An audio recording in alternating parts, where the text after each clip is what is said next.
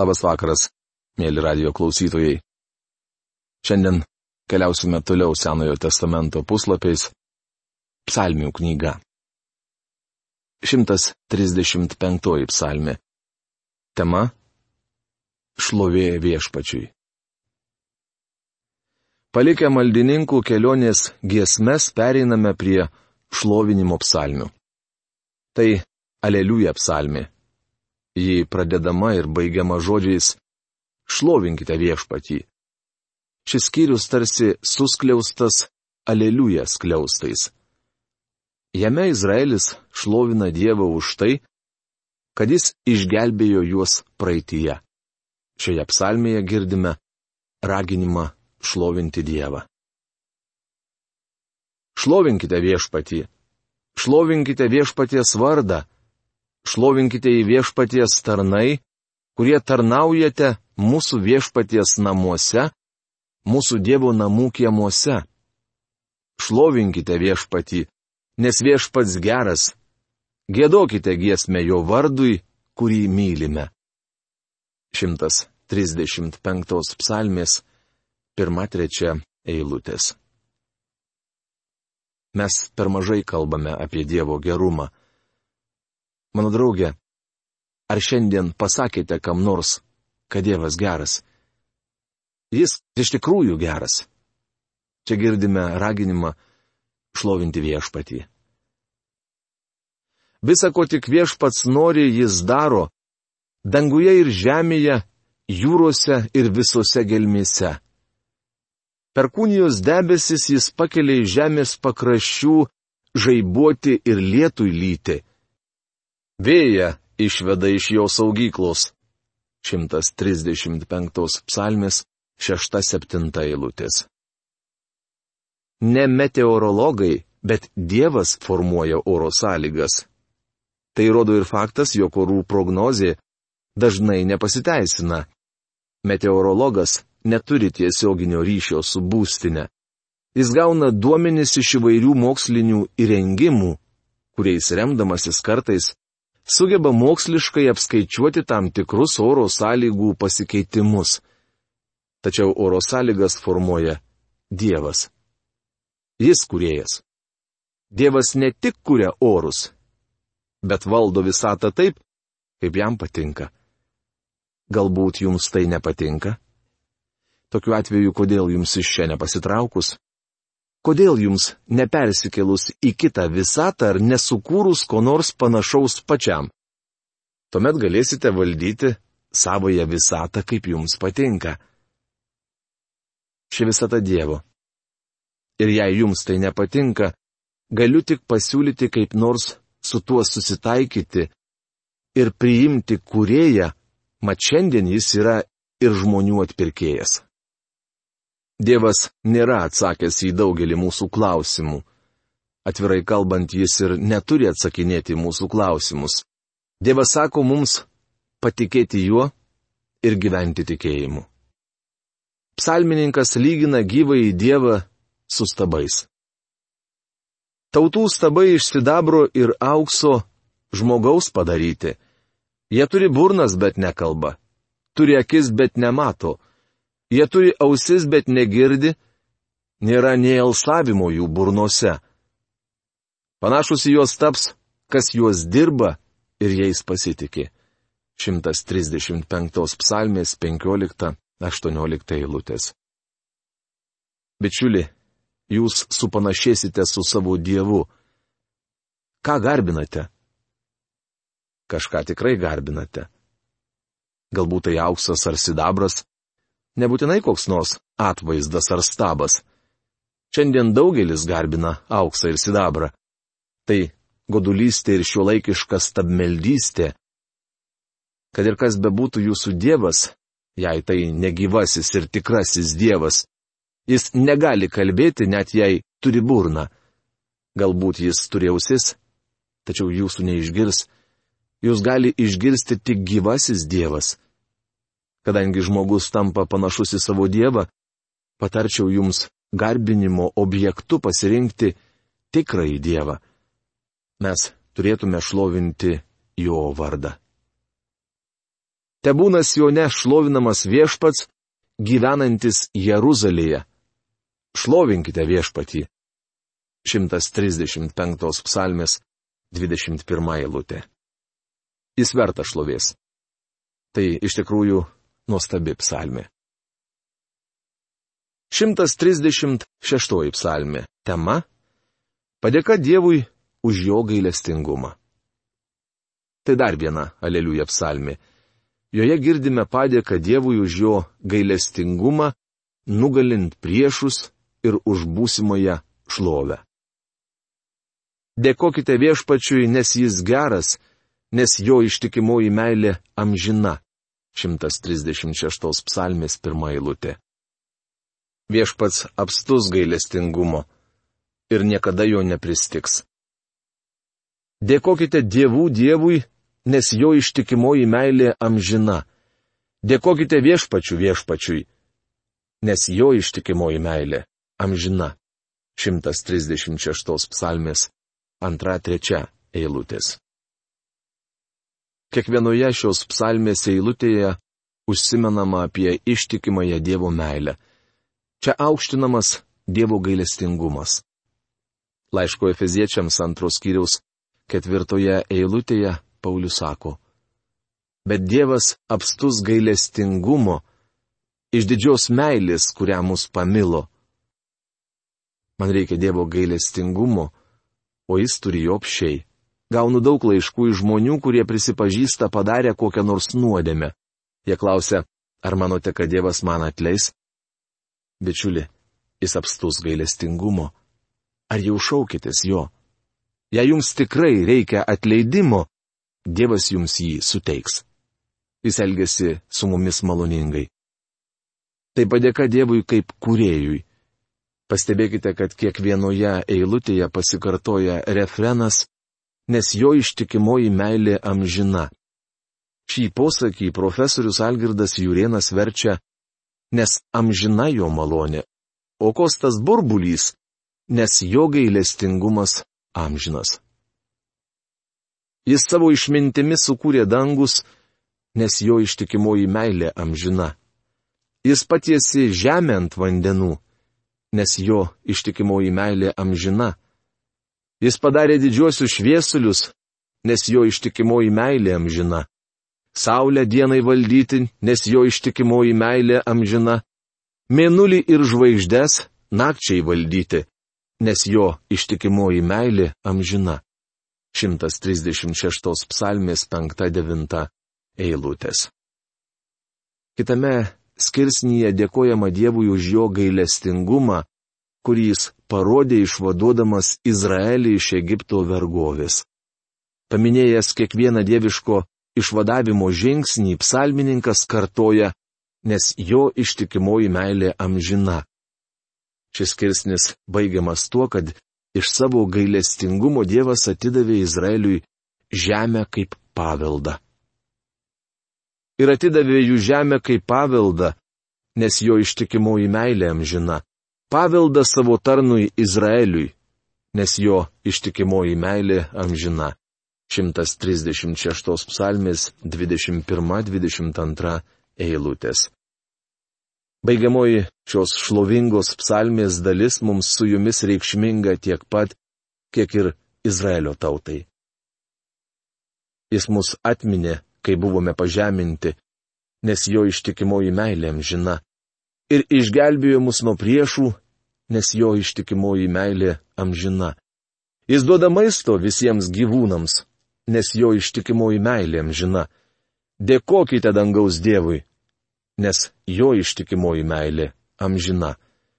136 psalmės 23-26 eilutės. Nežinau kaip jums, bet man vėl norisi ištarti Aleliuja. Koks nuostabus mūsų Dievas. Mokykite sukniupti prieš jį ir garbinti, jis to vertas. Kai pulsite prieš jį, o parpulti reikia, kad būtumėte pakeltas, jis pakels jūs dėl savo gailestingumo. 137 psalmė tema Svetimame krašte skamba viešpaties giesmė. Psalmino skaitimą galima palyginti su važiavimu automobiliu ir gražių vietų stebėjimu. Tai vienoje, tai kitoje pusėje atsiveria įspūdingas peizažas. Pradėdami skaityti naują psalmę mes tarsi priartėjame prie sankryžos. Nerūpestingai užmetame akį į kelio ženklą, bet lėkiame toliau tokiu pat greičiu. Mūsų apima vienodumo jausmas. Tiek vienoje, tiek kitoje kelio ženklo pusėje vaizdas labai panašus, ypač po 119-osios psalmės. Tačiau staiga privažiuojame 137-ąją psalmę. Pradedame lėtinti greitį, nes tolumoje pastebime šviesoforą, kurio šviesos sako mums sustoti, įsižiūrėti ir įsiklausyti. Taigi pradžioje aptarkime šias tris šviesas. Pirmoji reiškia - stok. Visų pirma, reikėtų pažymėti, jog tai vadinamoji prakeikimo psalmi. Kas nors pasakys, na, ženklas su šiuo žodžiu manęs nesustabdys, nes man tai nieko nesako. Galiu paaiškinti, jog prakeikimo psalmė paprasčiausiai reiškia tai, kad šioje psalmėje skamba prakeikimas. Čia girdime maldą, kurioje trokštama keršto. Paklausykite paskutinės eilutės. Laimingi, kurie paims tavo mažylius ir tėkš juos į uolą. Tai raudonas ženklas.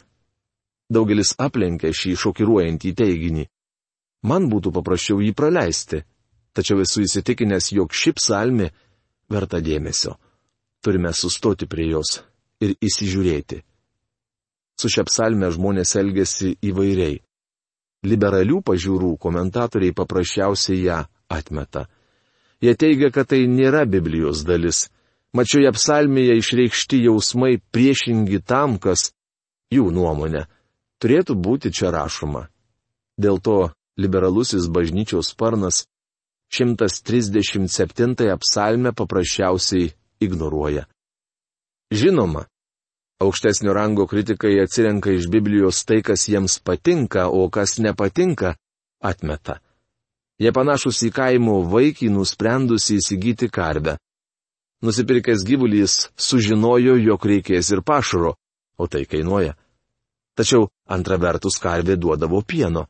Taigi vaikis nusprendė pasipelnyti visą dėmesį sutelkdamas į pieną ir užmirždamas apie pašarą. Manau, nereikia aiškinti, kas nutiko. Karvė padvėsi. Tačiau tas vaikis buvo panašus į aukštesnio rango kritiką. Aukštesnio rango kritikai atsirenka tai, kas jiems patinka, o kas nepatinka atmeta. Ši filosofija problemos neišsprendžia. Iškilusį klausimą galima spręsti ir kitų būdų. Kai kurie naiviai sako, aš tikiu Bibliją nuo pirmo puslapio iki paskutinio tačiau nie nenutuokia, kas rašoma tuose puslapiuose. Dėl šios priežasties konservatyvaus tikėjimo žmonės kaltinami tuo, kad yra neintelektualūs. Daugelis konservatyviųjų krikščionių sakosi tik į Bibliją, bet jos neišmano. Štai kodėl aš taip rimtai žiūriu į Dievo žodžio mokymą. Viena yra sakyti, kad tiki, kita - žinoti, kas parašyta šventajame rašte. Trečioji nuostata yra tikėti Bibliją nuo pirmojo iki paskutiniojo puslapio ir stengtis ją suprasti, aiškinantis, ką Dievas norėjo pasakyti vienoje ar kitoje pastraipoje. Aš noriu žinoti, kuo tikiu ir būti pasirengęs pagrysti manyje esančią viltį. Tad su tokiu nusistatymu eikime prie 137-osios prakeikimo psalmis. Nors čia išreikšta tai, kas iš pirmo žvilgsnio atrodo labai siaubinga, įsigilinkime ir pažiūrėkime, kas joje iš tikrųjų sakoma. Grįžkime prie šviesoforo metaforos. Antroji šviesa sako, sustojus įsižiūrėti. 137 psalmėje kalbama apie tam tikrą išrinktosios Dievo tautos istorijos laikotarpį. Tai labai neįprasta istorinė psalmė istorinėse Senojo testamento knygose neaprašomas 70 metų laikotarpis, kurį Izraelis praleido Babilono nelaisvėje.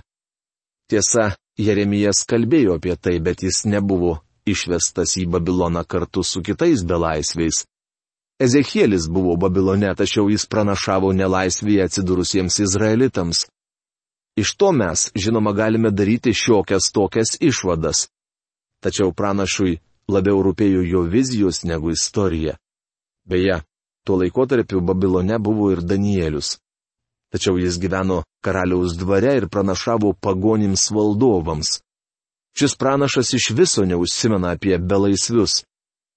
Apie 70 metų, kuriuos Izraelis praleido Babilono nelaisvėje, istorinėse knygose nutylima. Karalių ir metraščių knygos baigėsi Izraelitų ištrėmimu į Babilono nelaisvę ir Jeruzalės sunaikinimu. Tolesnėse istorinėse Ezros, Nehemijo ir Esteros knygose tęsiamas pasakojimas nuo tos dienos, kai po 70 metų trukusios nelaisvės Izraelio tautos likutis grįžta į savo į kraštą. Laikotarpis Babilono nelaisvėje praleidžiamas, nes Dievo laikrodis sustoja, kai jo tauta išvaroma iš jai priklausančio krašto. Todėl istorinėse knygose ir nekalbama apie nelaisvės laikotarpį. 137 psalmė yra tiltas per šį didįjį tylos kanjoną. Dėl to jį dar reikšmingesnė. Tai tarsi stovėjimo aikštelė pakelėje, kur gali sustoti ir apžvelgti kraštovaizdį, kurio niekada anksčiau nebuvote matę. Atidžiau įsižiūrėjus paaiškėja keletas nebyliojo laikotarpio detalių. Trečioji šviesoforo šviesa reiškia įsiklausyk. Iškyla klausimas, Kaipgi galime mes gėdoti viešpaties giesmę svetimoje žemėje, rašoma 137 psalmės ketvirtoje eilutėje. Nesu tikras, kad tie žmonės gali atsakyti į šį klausimą. Nesu tikras, ar šiandien į jį galime atsakyti mes su jumis, jei nevykdome tam tikrų sąlygų. Kaip mes galime gėdoti viešpaties giesmę svetimoje žemėje? 137 psalmėje aprašyti tragiški, bet brangus išgyvenimai, kuriuos izraelitai patyrė 70 metų trukusioje Babilono nelaisvėje. Čia persipina neapykanta ir meilė, nes aprašomi gilūs jausmai. Didžiausias išgyvenimas. Visų pirma, paminėtas sunkiausias Izraelio išgyvenimas. Prie Babilono upių mes sėdėjome verkdami, Siono kalną atsiminę. 137 psalmės pirmą eilutę. Čia visų svarbiausia vieta prie Babilono upių. Šie žmonės patyrė tai, ko neteko patirti jokiai kitai tautai. Tiek Gošeno žemėje, tiek Europos getuose jie buvo toli nuo savojo krašto. Izraelio tautai pažįstamas kelias iš Egipto plytinių į Babilono nelaisvę. Jie žino, ką reiškia leisti dienas vergų katurgos stovyklose. Prie Babilono upių izraelitai kentė persikiojimus ir vergavo engėjams. Kyla klausimas, kaip jie ten atsidūrė? Visų pirma, jie visai neturėjo ten būti. Dievas atvedė izraelitus į pažadėtą į kraštą ir pažadėjo, kad jie gyvens ten kaip jo liudytojai, kol bus jam ištikimi. Taigi ką jie veikia prie Babilono upių? Kaip žinia, Babilono upės yra kanalai. Šiandien daugelis pripažįsta, jog juos nuo Tigro ir Eufrato upių iškasė izraelitai. Šiais kanalais buvo drėkinama žemė. Izraelio vaikai nuo aušros iki saulėlydžio kasė dikumų smėlį. Prie Babilono upių mes sėdėjome. Koks niurus ir liūdnas vaizdas. Sakyčiau, beviltiškas. Mes sėdėjome. Ką dar jie galėjo daryti? Verkdami, Siono kalną atsiminę. Kokie jie prislėgti. Psalmės yra šlovinimo giesmės. Juose išreiškiamas džiaugsmas, nuostabus tikėjimas, viltis ir pasitikėjimas. Bet ši psalmė kitokia verkdami Siono kalną atsiminę, tai nešlovinimo psalmi. Verkdami Siono kalną atsiminę. Koks kontrastas tarp Jeruzalės ir Babilono. Jeruzalės miestas įsikūręs tarp kalnų gražioje vietoje. Babilonas tūkso sausoje žemėje. Izraelis atsidūrė Babilone ne savo norų. Izraelitai svetimame krašte atsidūrė todėl, kad už juos stipresni babiloniečiai įsiveržė į jų miestą, paėmė juos į nelaisvę ir išsivarė kaip gyvulius, pristatė prie vergiško darbo. Kodėl jie Babilone?